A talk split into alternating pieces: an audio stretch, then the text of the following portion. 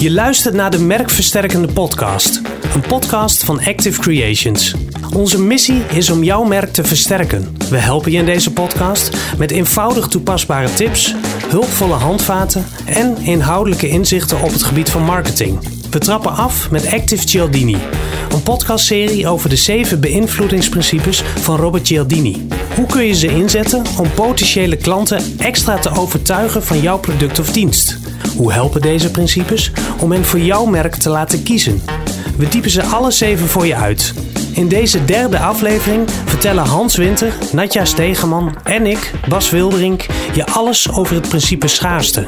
Waarom verliest de ratio het vaak van de emotie op het moment dat we een mooie kans dreigen mis te lopen? De derde aflevering alweer. Hans en Natja, het gaat snel met uh, onze podcast. De vorige twee afleveringen uh, die, uh, gingen over de principes eenheid en sociale bewijskracht. Mocht je die nog niet uh, gehoord hebben, dan ja, raden we aan die vooral ook even terug te luisteren. En in deze podcast gaan we dieper in op het principe schaarste. Natja, zou je eens uit kunnen leggen wat, wat schaarste precies inhoudt? Ja, schaarste is een principe dat eigenlijk gebaseerd is op onze angst. Onze angst om iets te missen. Een schaars product is eigenlijk beperkt beschikbaar of het neemt af in beschikbaarheid. En omdat er weinig van is, willen we het graag snel hebben. En het is ook zo dat dingen die moeilijker verkrijgbaar zijn, dat we die zelfs onbewust beter lijken te vinden. Ja, dus met, met een schaarst uh, product spelen ze eigenlijk in op ons FOMO-gevoel. Het gevoel fear of missing out. Het product is er nu nog, maar morgen of misschien zelfs al over een uur is het weg.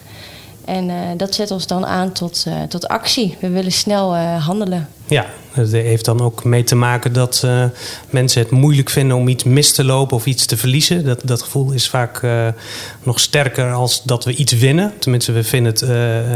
Ja, het, het, schijnt dat we dat twee keer zo belangrijk vinden om, om niet te verliezen dan ja. om te winnen. Ja, precies. En nou, Cialdini noemde zelf in zijn boek ook een mooi voorbeeld als hij aan het praten is met. Uh, hij was aan het praten met iemand um, en hij kreeg tegelijkertijd een telefoontje binnen. Uh, hij kon niet zien van wie het was. Dus hij dacht, ja, wat ga ik nu doen? Ga ik gewoon mijn gesprek met die persoon voortzetten of ga ik dit telefoontje uh, nu opnemen? En hij besloot toch het telefoontje op te nemen omdat hij gewoon bang was om de mogelijk belangrijke informatie uh, mis te lopen. Hij had het idee, als ik nu dit telefoontje niet opneem, dan weet ik niet wie ik terug kan bellen en dan mis ik die informatie gewoon. Dus en ik is... denk dat dat wel een voorbeeld is dat iedereen heel erg herkent.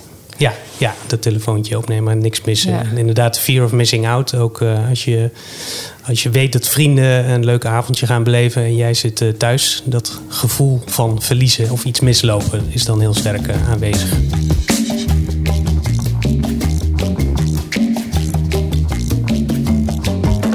Wat zijn andere voorbeelden van schaarste in de praktijk? Kun je een voorbeeld noemen, Hans? Uh, nou, ik denk dat de huidige huizenmarkt wel een heel goed voorbeeld is. Uh, er is natuurlijk uh, een enorme krapte, dus een schaarste. Um, en je ziet wat het effect daarvan is, is dat voorheen werd er nog onderhandeld over een woning in de zin van er was een vraagprijs en daar werd altijd een bod onder gedaan. Tegenwoordig is overbieden de standaard geworden. Nou, dat heeft natuurlijk alles met die schaarste te maken, want als er al een huis te koop is, dan wil je hem natuurlijk super graag, wil je hem ook daadwerkelijk hebben. Ja, nou, wat uh, ook nog wel een mooi voorbeeld uh, is. Ik zag laatst een uh, artikel waarin ze vertelde dat er een speciale gitaar van Kurt Cobain van Nirvana was verkocht voor 5 miljoen dollar. Oh ja, heb ik ook gelezen. Ja, en hierin gaat het dus niet eens zozeer om de kwaliteit van, van deze gitaar. Maar ja, er is er maar één van natuurlijk. Hij is zeldzaam. Ja. En hij speelde hiermee in een legendarische clip van Smells, Smells Like Teen Spirit. Vooraf hadden ze verwacht dat deze gitaar zo'n 8 ton zou uh, opleveren. Maar dat werd dus gewoon 5 miljoen. Waarschijnlijk oh ja. omdat mensen die schaarste ja. voelden. Als ik het geld zou hebben, dan had ik hem ook gekocht. Want ik was vroeger uh, grote Nirvana-fan. Ik heb die clip Smells Like Teen Spirit heb ik ook uh, oneindig vaak gezien. Had je er 5 miljoen voor over gehad? Nou, als ik 30 miljoen zou hebben, misschien wel, ja. ja. Maar, maar goed, oké. Okay. Stel dat je dan, uh, laten we het makkelijker maken. Je hebt uh, 3000 euro uh, op de spaarrekening Mhm. mm -hmm. en hij kost 500 euro. Oeh, ja, dan denk ik het wel. ja, dan zou ik het wel echt als een buitenkansje zien. En eh, Maar wat, wat maakt het dan zo bijzonder, zo'n gitaar? Ja, er, is er maar één van. Het, het, het- is in een clip die ik heel vaak heb gezien. Dus ik, er zit voor mij heel veel waarde aan. Omdat ook de muziek heb ik vroeger zo intens eh, beleefd. En ik was gewoon groot fan van Nirvana. Dus ik, ja, ik, ik zou die gitaar heel graag eh, willen hebben. Het is trouwens een keer eerder gebeurd met, met de gitaar van Nirvana. Dat was toen een akoestische gitaar waar die mee eh, speelde tijdens MTV Unplugged in 1993. Dus dat is vlak eh, voor zijn dood ook. Ehm, die gitaar werd voor 6 miljoen dollar geveld. ja, en toen dachten ze dat die van tevoren dachten ze dat die 1 tot 2 miljoen dollar op zou kunnen leveren. Dus het was niet de eerste gitaar die voor zoveel geld verkocht werd. Nou ja, daarop aansluitend nog een mooi voorbeeld van, van schaarste. Ehm, de Beatles die hebben natuurlijk veel LP's eh, uitgebracht. eh, en je had ook The White Album, een heel beroemd eh, album.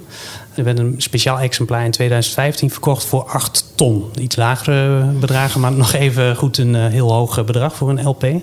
En dat was het persoonlijke exemplaar van drummer Ringo Starr. En daar stond ook echt op nummer 1, dus van de persing. Dus ja, dat is dan ook een exemplaar, dat is de One of a Kind. eh, het White Album van eh, Ringo Starr. Ja, dat, dat levert dan ook gewoon een heel hoog eh, bedrag op. En je ziet het natuurlijk ook wel veel in de, in de kunstwereld. Dus je ziet wat, wat er voor schilderijen betaald wordt. Ja. Je hebt eigenlijk natuurlijk met zo'n gitaar heb je het ook van... ja, is het überhaupt wel een realistisch bedrag? Nou, dat vind ik met schilderijen ook. En je ziet het met auto's ook. Oude auto's waar er dan nog maar één, twee of drie van over zijn... en waar er ooit ook maar heel weinig van gemaakt zijn. Die gaan gewoon voor tientallen miljoenen worden die geveld. Ja, Recent is nog weer een Mercedes, ook voor ja, 30, 40, 50 miljoen. Ik, ik weet niet eens uit mijn hoofd, maar echt een giga bedrag. Ja. En zo'n auto komt waarschijnlijk ergens in een, stu- in een schuur te staan. Wordt nooit meer mee gereden. Nee, Ik vind het echt absurd. ja, Maar, is het ook, ja. ja. Zou je nog een voorbeeld kunnen noemen, Natja? Nou, ik zag het toevallig van de week eh, nog. Iedereen die wel eens eh, online kleding of zo eh, bestelt. Vaak zie je bij de webshop, je, je klikt aan wat je wil hebben. En onderin zie je de maten. Dan zijn er vaak al een aantal maten waar een kruisje doorheen staat. Die zijn niet meer beschikbaar. En let op, van de maten die er nog beschikbaar zijn, zijn er nog maar een aantal. Ah ja, ja. Dus dat geeft je wel het gevoel van, oh, hier moet ik snel, eh, snel bij zijn. Dat eh, Dus weg. idee had je zelf ook? eh, Dat eh, idee ja. had ik zelf ook. Dus ja. je kledingkast hangt nu vol Ja. met eh, allemaal. ja. Nou, ik, ik, ik heb zelf nog wel een mooi voorbeeld. eh, in, ik was in Barcelona onlangs eh, bij het Formule 1 weekend eh, dat daar plaatsvond. En eh, nou, ik wilde gewoon heel graag een, een petje voor mijn zoontje kopen. Een Red Bull eh, petje. Omdat eh, Max Verstappen natuurlijk bij dat eh, team zit. Maar ik zag overal prijzen, ja, die sloegen helemaal nergens op. Dat toch van de 40 tot, tot de 60 euro voor, voor een petje. Dus ik dacht, nou, dat ga ik gewoon niet doen. Dat, dat slaat nergens op. Maar toen kwam ik eh, een kraampje buiten het circuit eh, tegen. En daar werden die petjes aangeboden voor nou ja, 30, 35 euro. Verschillende soorten petjes. Dus ik dacht, nou, aan het einde van de dag eh, ga ik weer naar dit kraampje terug. En dan eh, koop ik hier eh, mijn petje. Nou ja, natuurlijk aan het eind van de dag waren die petjes eh, weg. Er was er nog eentje over van 35 euro. En ik dacht, nou ja, doe maar dan. En eh, ik had, eh, het was dus ook een petje met een verouderd logo erop. Maar ja, ik voelde die emotionele drang om in ieder geval een petje te kunnen eh, kopen. en die straks dan aan mijn zoon te kunnen geven. Dus ja, de emo- emotionele drang won het van de ratio. ja. En hij was er blij mee? Hij was er gelukkig blij mee, ja. En hij had ook niet door dat het een eh, verouderd eh, logo was. eh, nee. Nou, dan is de missie geslaagd, maar wel onder druk. Ja, onder druk. Ja, ik voelde zeker de druk. Ja. Ik denk, als je het over druk hebt, dan hadden we het natuurlijk net over die. ehm, ik vertelde het voorbeeld van de huizenmarkt. Ehm, daar ervaar je ook wel druk met bijvoorbeeld van die kijkdagen. Dat wordt tegenwoordig veel gedaan. En ehm, ik ik heb wel eens het idee dat de makelaars het heel erg bewust doen. Om gewoon maar zoveel mogelijk mensen in een woning achter elkaar er doorheen te duwen. Zodat je echt het gevoel krijgt van, oh, hier, eh, hier is heel veel animo voor. Dus ik word Ja. extra onder druk gezet. En ik ervaar dat zelf ook wel als je mm, bijvoorbeeld een auto gaat kopen. En je belt naar een garage op waar je, hè, je hebt op internet een auto gezien en je belt op. En dan, oh, ik wil eigenlijk wel graag komen kijken. Dan wordt er bijna altijd gezegd, nou, toevallig belde er net ook iemand die wil morgen komen kijken. Ja, dus als ja. jij vanmiddag komt, dan ben je eerder. En of het nou echt is of niet echt is, je hebt toch het gevoel van ik moet echt heel snel handelen. Ja. En dan ga je automatisch, oké, dan kom ik ook vanmiddag wel eventjes. Ja, en dan ben je misschien ook bereid om een hogere prijs te betalen dan dat je misschien in gedachten had, uiteindelijk. Ja, als je hem heel erg graag wilt hebben, en dat zou ik bij een auto wel, eh, eh, wel hebben inderdaad. En dan ben ik al heel erg aan het, vooronderzoek geda- eh, aan het vooronderzoeken geweest. Ja. Dus dan heb ik echt al helemaal specifiek voor ogen, die moet het worden. Ja. Dan ben ik bang dat ik inderdaad ook een hogere prijs ga betalen. Ja, dat is dan ook ja, de, de competitie die daarbij speelt. Eh, dan wordt het effect ook sterk als je weet dat je het af kan leggen, dus iets kan verliezen. Ja, en overal het, anders. het verliezen van eigenlijk wat je, waar je voor jezelf de keuze al van hebt gemaakt, dit moet hem worden. Ja. ja, in één keer kun je dat kwijtraken in plaats van dat je het kunt gaan bezitten. Ja, precies. Dus dat gevoel werkt eh, zeker mee.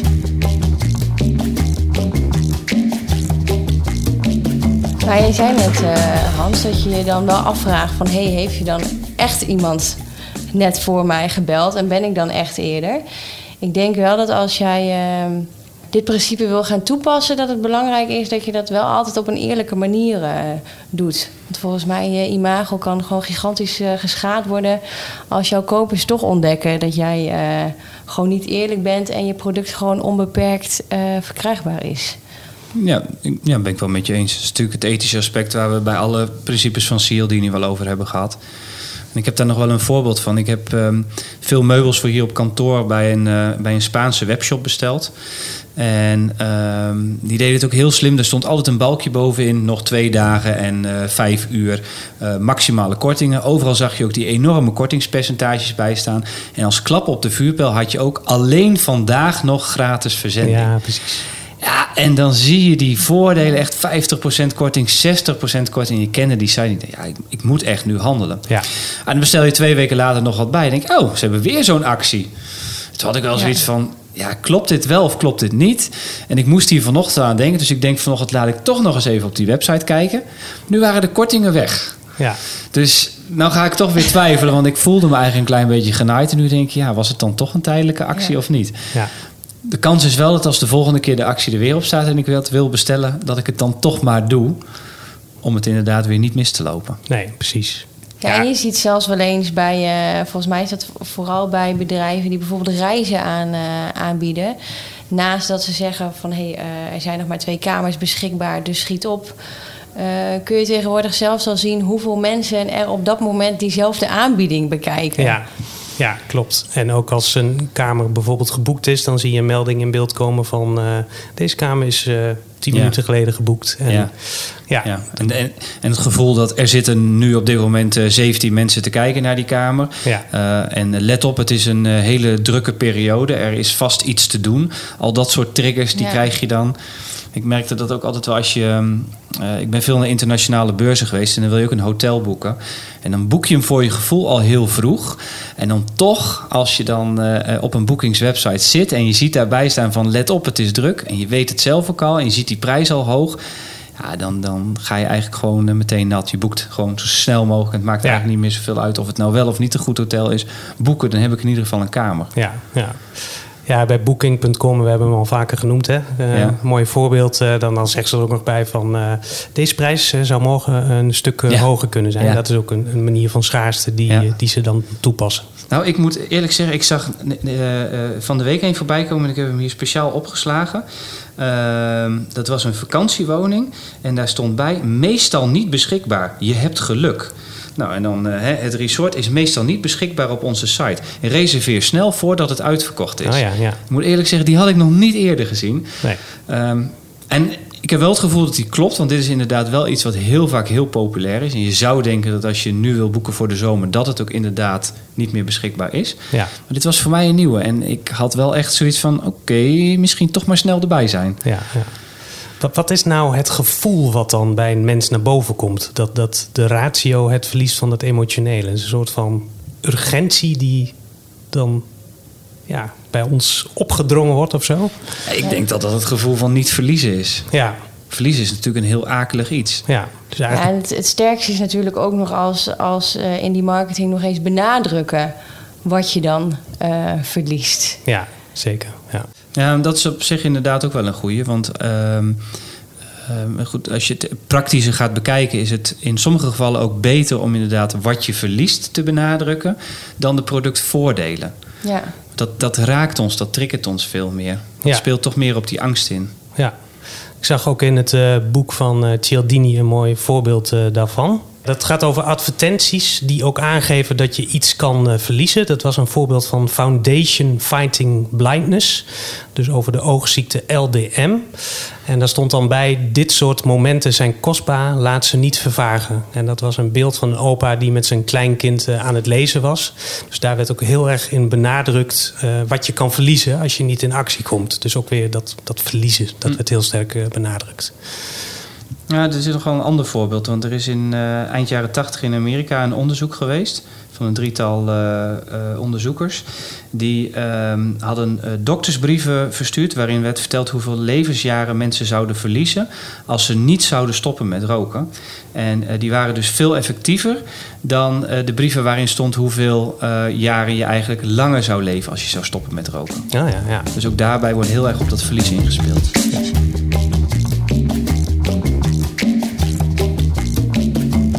Wat zijn verder nog voorbeelden in de marketing van schaarste? Hoe wordt dat toegepast? Nou, we kennen natuurlijk allemaal wel de leuzen als eh, zolang de voorraad strekt, eh, op is op, nog vier beschikbare plaatsen. Ja, Eh, ja, dat zijn allemaal leuzen die, eh, die inspelen op die schaarste en waardoor mensen ook de drang voelen om gelijk eh, actie eh, te ondernemen. ja, En dan moet ik wel zeggen, ik vind de op is op en zolang de voorraad strekt als losse term, moet ik zeggen, mij raakt dat niet zo. Ik vind dat ook in foldertjes, daar staat het eigenlijk standaard in. Het hoort een beetje bij het foldertje van op is op. Ehm, en ik, ik durf het niet te zeggen of het, eh, eh, hoe het uit onderzoeken blijkt. Ehm, maar op het moment dat je dat gaat versterken met op is op, er zijn er nog maar vier beschikbaar, dan zit daar veel meer kracht in dan wanneer je alleen op is op bijvoorbeeld gebruikt. ja. Ja, maar op dat moment ga je ook weer nog meer dat verlies eh, benadrukken. Ja. ja, je krijgt echt het gevoel erbij. Het, het Ja. wordt tastbaarder. En Apple is ook wel de koning van de schaarste creëren. Met, met als, eh, als er een nieuwe iPhone uit is, dan eh, heeft Apple er ook wel een handje van om niet meteen een hele grote hoeveelheid eh, beschikbaar te stellen, maar dat een beetje beperkt te houden, zodat er ook een soort van schaarste ontstaat. Ja, en de mensen er ook gewoon voor in de rij gaan liggen. Ja, precies. Ja. En het mooie denk ik ook aan die voorbeelden is dat, dat je, ze maken het eh, al eerder bekend. Eh, misschien kun je je zelfs al inschrijven voor een nieuwsbrief. Van let op, ons nieuwe eh, product komt eraan. Waardoor je aan de ene kant je klanten ook nog weer een extra dienst verleent. Je houdt ze op de hoogte. Ja. Maar eh, je speelt nog meer in op die urgentie en dat gevoel. Nou ja, en als je dan die brief krijgt van op die nieuwsbrief van het ligt klaar. Ja. ja dan ga je ervoor. Ja. En dat vind ik met concerttickets ook vaak het geval. Dat op het moment dat je um, een band bijvoorbeeld volgt... Um, dan krijg je vaak ook inderdaad al een nieuwsbrief voor een soort van pre-sale. En op het moment dat die pre-sale dan is, dan weet je, oh, ik hoor echt tot de, tot de gegadigden en ik moet er nu heel snel bij zijn. Want Ja. waarschijnlijk wordt er dan ook benoemd van er zijn maar eh, duizend tickets in, in de voorverkoop. Ja. Ja, dan wil je die hebben, want je weet ook als het in de massa verkocht gaat worden, dan is je kans nog kleiner. Ja. Nou, dan ga je met z'n allen achter de computer zitten en je trommelt allemaal mensen in je omgeving op van allemaal snel op die site gaan kijken, inloggen en eh, boek de kaartjes alsjeblieft voor me. Ja, dan wil je er ook bij zijn, wil je ook niet missen. Nee, dat is ook een bepaald tijdstip dat dan wordt vastgesteld. En Ja. iedereen eh, zit dan voor zijn computertje. Ja, Ja, ja. Ja, het mooiste is natuurlijk, eh, dat zie je ook af en toe, dat ze er dan zelfs een mail achteraan sturen naar de mensen die helaas de aanbieding Mm. wel hebben gemist. ja, Waarin je nog een berichtje krijgt van let op, over een x aantal weken, maanden eh, komt hij weer. Dus hou het in de gaten. Ja. Waardoor je toch, je verliest eerst, maar je krijgt toch het gevoel dat je weer kan, eh, kan winnen. ja, en je wil niet dubbel verliezen. Dus dan is de drang Precies. nog groter Ja. om het eh, voor elkaar te Ja. krijgen. ja, ja. Ook Nike eh, die, die past het eh, principe van schaarste goed eh, toe. Ze, Nike brengt regelmatig oude modellen sneakers eh, op de markt. En dan eh, hebben ze ook zogeheten sneaker raffles. Eh, dat zijn nog lotingen waar mensen zich voor aan eh, kunnen melden. Dus daar wordt ook weer een, een, een competitie-element aan toegevoegd. En ook het idee van: oké, ik moet er snel bij zijn, anders kunnen, kunnen deze speciale modellen wel eens uitverkocht eh, raken. Zoals dat, dat limited gaat dan meespelen. Ja. Die limited eh, editions. Ja. Ik heb, ik heb het ook wel een keer gezien bij een klant van ons, een jachtbouwer. Uh, dan zou je denken van ja, daar speelt dat eigenlijk helemaal niet zo mee, want het zijn grote investeringen. Hij bestond 50 jaar en toen is ook een, een 50th Anniversary Edition uitgebracht van een model. Daar ja. werden er vijf van verkocht. Um, maar daarbij merkte je ook dat mensen toch in één keer heel erg aangezet waren van... Uh, normaal gesproken dan duurt zo'n traject lang... en dan hebben ze, nemen ze best wel de tijd om erover na te denken. Maar dat ze toch geprikkeld waren van... Um, en hoeveel zijn er nog van? Want oeh, ik wil dit, eigenlijk wil ik dit niet mislopen. Dat werd letterlijk gezegd. Ja, ja. En bij een product waar... Ja, had ik het niet zo snel bij verwacht... dat het toch nog zo mee zou spelen. Oh, ja. Ja, we leggen nu natuurlijk weer heel erg de, de nadruk op het schaarste van het product. Um, maar je ziet dan ook bedrijven die veel meer de nadruk leggen op de schaarste in de zin van tijd. Oh ja. uh, zo zag ik laatst iets voorbij komen. Uh, dat waren opblaaszwembaden, geloof ik, die werden verkocht. En het is ook voor het komend weekend mooi weer. Hè? Bestel het snel, bestel het voor donderdag. Dan kun je dit weekend nog genieten van je zwembad in het mooie weer. Ja. En dan denk je, ja, hoe vaak is het mooi weer in Nederland? Ja. Dus dat wil je niet missen? Dat wil je niet missen. Ja. ja. hetzelfde met ventilatoren. ja. ja. dan zie je het ook vaak als het mooi weer is. Dan uh, opeens uh, wil iedereen zo'n ding hebben. En dan, ja. ja. Nou ja, en daar kun je, en dat zie je tegenwoordig ook al meer gebeuren. Daar kun je als uh, leverancier van bijvoorbeeld airco's of ventilatoren ook op in gaan spelen. Door te zeggen van wees voorbereid. Zorg dat je er, nou eigenlijk zorg dat je niet in de hitte komt te zitten. Op het moment dat het warm wordt. En als je dat goed toepast, dan kun je er ook voor zorgen dat je in een seizoen, hè, bijvoorbeeld uh, van het najaar tot het voorjaar, uh, zul je waarschijnlijk minder airco's verkopen. Uh, op het moment dat je dit gaat gebruiken, kun je ook in dat seizoen meer gaan verkopen. Kun ja. je ook wat meer spreiding doen van je dienstverlening, van je leveringen, van je installatie. Ja, nou, en ook in wat je nu noemt als, als voorbeeld, waarin je dan ook nog eens zegt: pas op, want anders kom je in de hitte te zitten dat is ook iets wat iedereen voelt natuurlijk. Iedereen weet hoe dat is om ergens te zitten waar het veel te warm is. Dus ook omdat je je daar nog eens goed kan inleven. Ja, speel je ook uh, weer in op de emotie. Precies, ja. ja.